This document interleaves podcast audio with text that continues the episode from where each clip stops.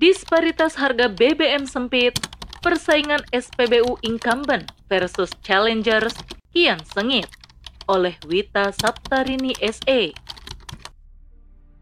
Masih mungkinkah angin segar berhembus bagi rakyat di tengah awan mendung menyelimuti perekonomian negeri ini?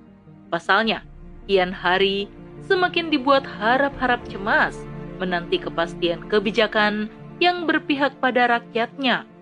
Namun, kenyataannya menjadi-jadi mencederai keadilan dan memantik antipati rakyat terhadap pemerintah. Ya, kode keras pemerintah yang tengah menjadi sorotan tajam beberapa bulan terakhir terkait kenaikan BBM akhirnya terkonfirmasi sudah pada Sabtu tanggal 3 September 2022 dari Istana Merdeka, Presiden Jokowi resmi menyatakan kenaikan harga beberapa jenis BBM di mana keputusan yang dibuat dalam kondisi pelik ini menjadi pilihan pamungkas pemerintah untuk mengalihkan subsidi BBM. Berikut harga baru yang diterbitkan pemerintah setelah terjadi penyesuaian, yakni Pertalite dibanderol menjadi Rp10.000 per liter, solar Rp6.800 per liter, dan BBM non-subsidi atau Pertamax berada di harga Rp14.500 per liter. Di waktu yang sama, Menteri Keuangan Sri Mulyani memberi tanggapan terkait pertanyaan masyarakat bahwasanya harga BBM naik secara tiba-tiba dikala harga minyak dunia turun. Beliau menyatakan bahwa ada korelasi yang erat terkait harga ICP, maka diperlukan pantauan cermat terhadap harga ICP yang berpengaruh pada suasana proyeksi ekonomi dunia dan geopolitik. Beliau menambahkan tujuan pemerintah mengalihkan subsidi BBM untuk bantuan sosial, yakni agar subsidi teralokasi secara tepat alias tidak menyasar, serta komitmen pemerintah untuk mengendalikan efek inflasi, pertumbuhan ekonomi, dan kemiskinan melalui rancangan program-programnya. Pasca penyesuaian harga BBM, jagat maya dihebohkan dengan pemandangan antrean masyarakat yang memadati SPBU milik swasta, yakni Vivo, demi berburu produk BBM yang dibanderol lebih murah dibanding milik SPBU pelat merah. Ya, kehadiran SPBU swasta atau asing di negeri ini secara otomatis menempati posisinya sebagai challengers bagi SPBU incumbent. Terang saja, kondisi saat ini membawa angin segar bagi SPBU swasta atau asing, meski tak semua SPBU milik swasta atau asing mempunyai produk dengan harga miring. Sebut saja salah satunya Shell. Lantas, bagaimana bisa salah satu produk BBM milik SPBU Vivo yang setara jenisnya dengan produk Pertamina dibanderol sedikit lebih murah? Menanggapi terkait sempitnya disparitas harga BBM, dengan SPBU swasta Vivo, Corporate Secretary Pertamina Patra Niaga Irto Ginting menjelaskan bahwasanya ada beberapa faktor yang mempengaruhi perbedaan harga.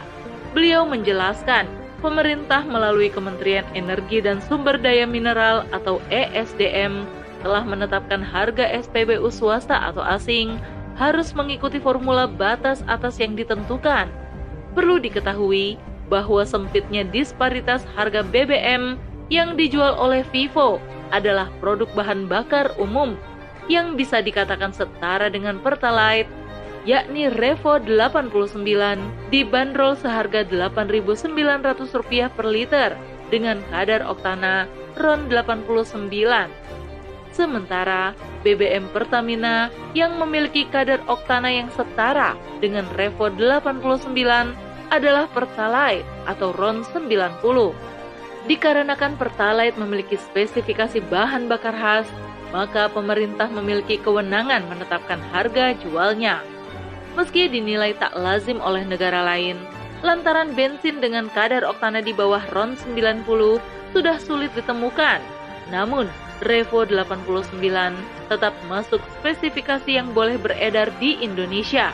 Serta bila dibandingkan dengan produk SPBU incumbent yang memiliki kadar atau RON serupa, ternyata perbedaan harganya tidak begitu signifikan. Tak ayal, masyarakat mulai melirik satu-satunya produk BBM tanpa subsidi milik SPBU swasta ini demi akses kebutuhan energi di situasi ekonomi yang semakin mengimpit. Jelas, kondisi ini bisa memicu persaingan sengit antara SPBU incumbent dan challengers. Pada awalnya, perusahaan ini bernama PT Nusantara Energi Plan Indonesia, kemudian berganti nama menjadi PT Vivo Energi Indonesia.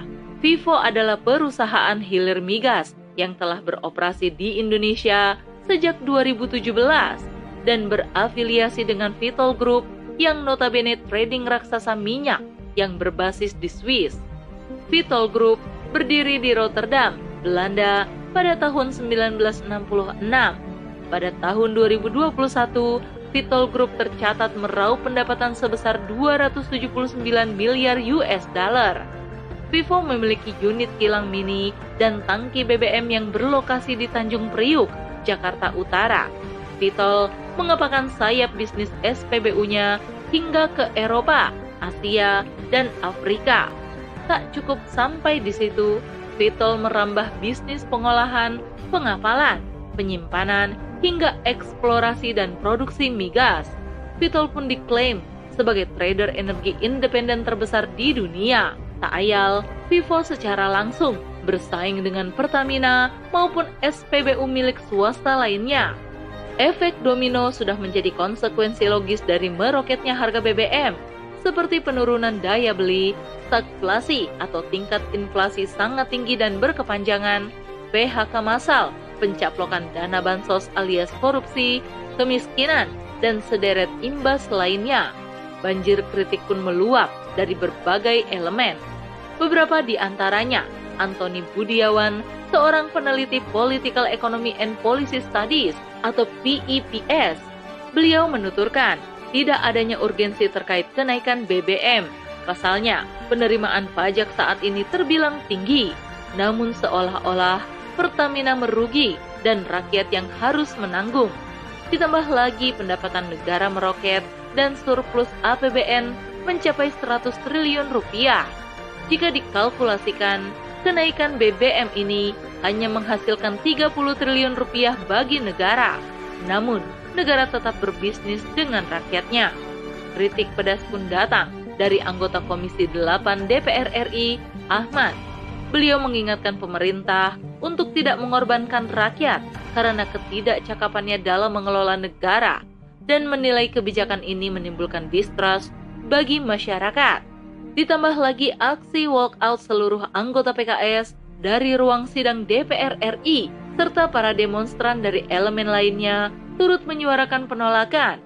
Akankah pemerintah mampu mengurai efek berantai yang ditimbulkannya? Perlu dipahami, kenaikan BBM tak melulu imbas dari naiknya minyak dunia, melainkan implikasi pasar bebas yang diadopsi sistem kapitalisme yang memberi andil besar. Sebab sistem ini melegalkan swasta menguasai dan mengendalikan SDA termasuk migas. Indonesia adalah salah satu negara yang sudah terikat dengan perjanjian internasional. Dalam konteks perdagangan internasional, Indonesia tergabung dalam WTO dengan konsekuensi taat aturan perdagangan bebas dunia.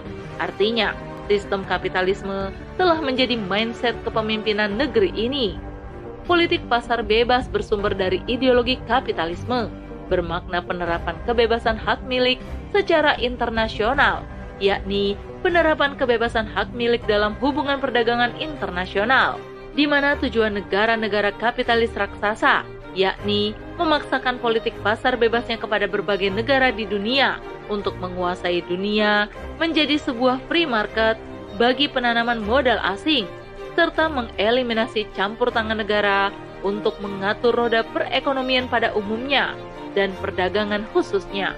Pada praktiknya, politik pasar bebas mengurangi bahkan menghilangkan beberapa kebijakan, yaitu kebijakan negara melakukan proteksi perdagangan, menerapkan tarif untuk produk barang impor, serta pemberian subsidi produk dalam negeri. Maka, tak heran jika negeri ini tak mampu melawan kekuatan kapitalistik Sebab kepemimpinan negara diatur oleh sistem kapitalisme serta memosisikannya sebagai regulator untuk mengakomodasi kepentingan para pemilik modal demi menguatkan entitas sistemnya. Dampak kenaikan BBM tak cukup hanya diredam oleh sederet bantalan dan program-program pemerintah. Bila dianalogikan bagaikan anestesi yang bersifat temporal dengan dosis terbatas. Artinya, tidak mampu memenuhi kebutuhan, apalagi menyejahterakan. Jelas, tak sebanding dengan efek berantai yang ditanggung oleh rakyat nantinya. Secara fundamental, hal ini disebabkan oleh liberalisasi sektor migas sebagai bentuk konsekuensi logis diterapkannya sistem kapitalisme yang merajai dunia saat ini. Maka, hanya solusi sistemis dan fundamental pula yang diperlukan untuk menuntaskannya. Tak lain hanya sistem Islam yang memilikinya. Islam memiliki hukum syariat terkait mekanisme pengelolaan sumber daya alam, termasuk energi yang hakikatnya merupakan milik umat atau umum. Selain itu, sumber daya migas termasuk kekayaan yang tidak bisa dimanfaatkan secara langsung oleh umat. Tentu saja, diperlukan usaha keras para tenaga ahli dan profesional, teknologi mutakhir yang mendukung, serta berbiaya tinggi hingga akhirnya dapat dinikmati hasilnya seperti sabda Rasulullah Shallallahu Alaihi Wasallam dalam sebuah hadis yang diriwayatkan oleh Abu Daud. Kaum Muslim itu berserikat dalam tiga hal, yaitu air, padang rumput, dan api. Maka jelas sumber daya alam migas terkategori harta kekayaan milik umum yang tidak boleh ada privatisasi di dalamnya. Dalam konteks ini, syariat telah menetapkan bahwasanya negara memosisikan sebagai wakil umat yang berhak mengelola, mengeksplorasi, mengeksploitasi, serta memberikannya kembali kepada pemilik seutuhnya, yaitu umat. Mekanisme ini akan berjalan sempurna secara praktis dan komprehensif bila diimplementasikan dalam sebuah institusi negara bernama khilafah, yakni negara dengan paradigma Islam. Artinya, aturan yang dipakai untuk mengatur urusan rakyatnya adalah aturan Islam secara kafah. Maka, dengan khilafah, negara akan berdaya menghadapi kekuatan kapitalistik. Wallahu a'lam bishawab. Wassalamualaikum warahmatullahi wabarakatuh.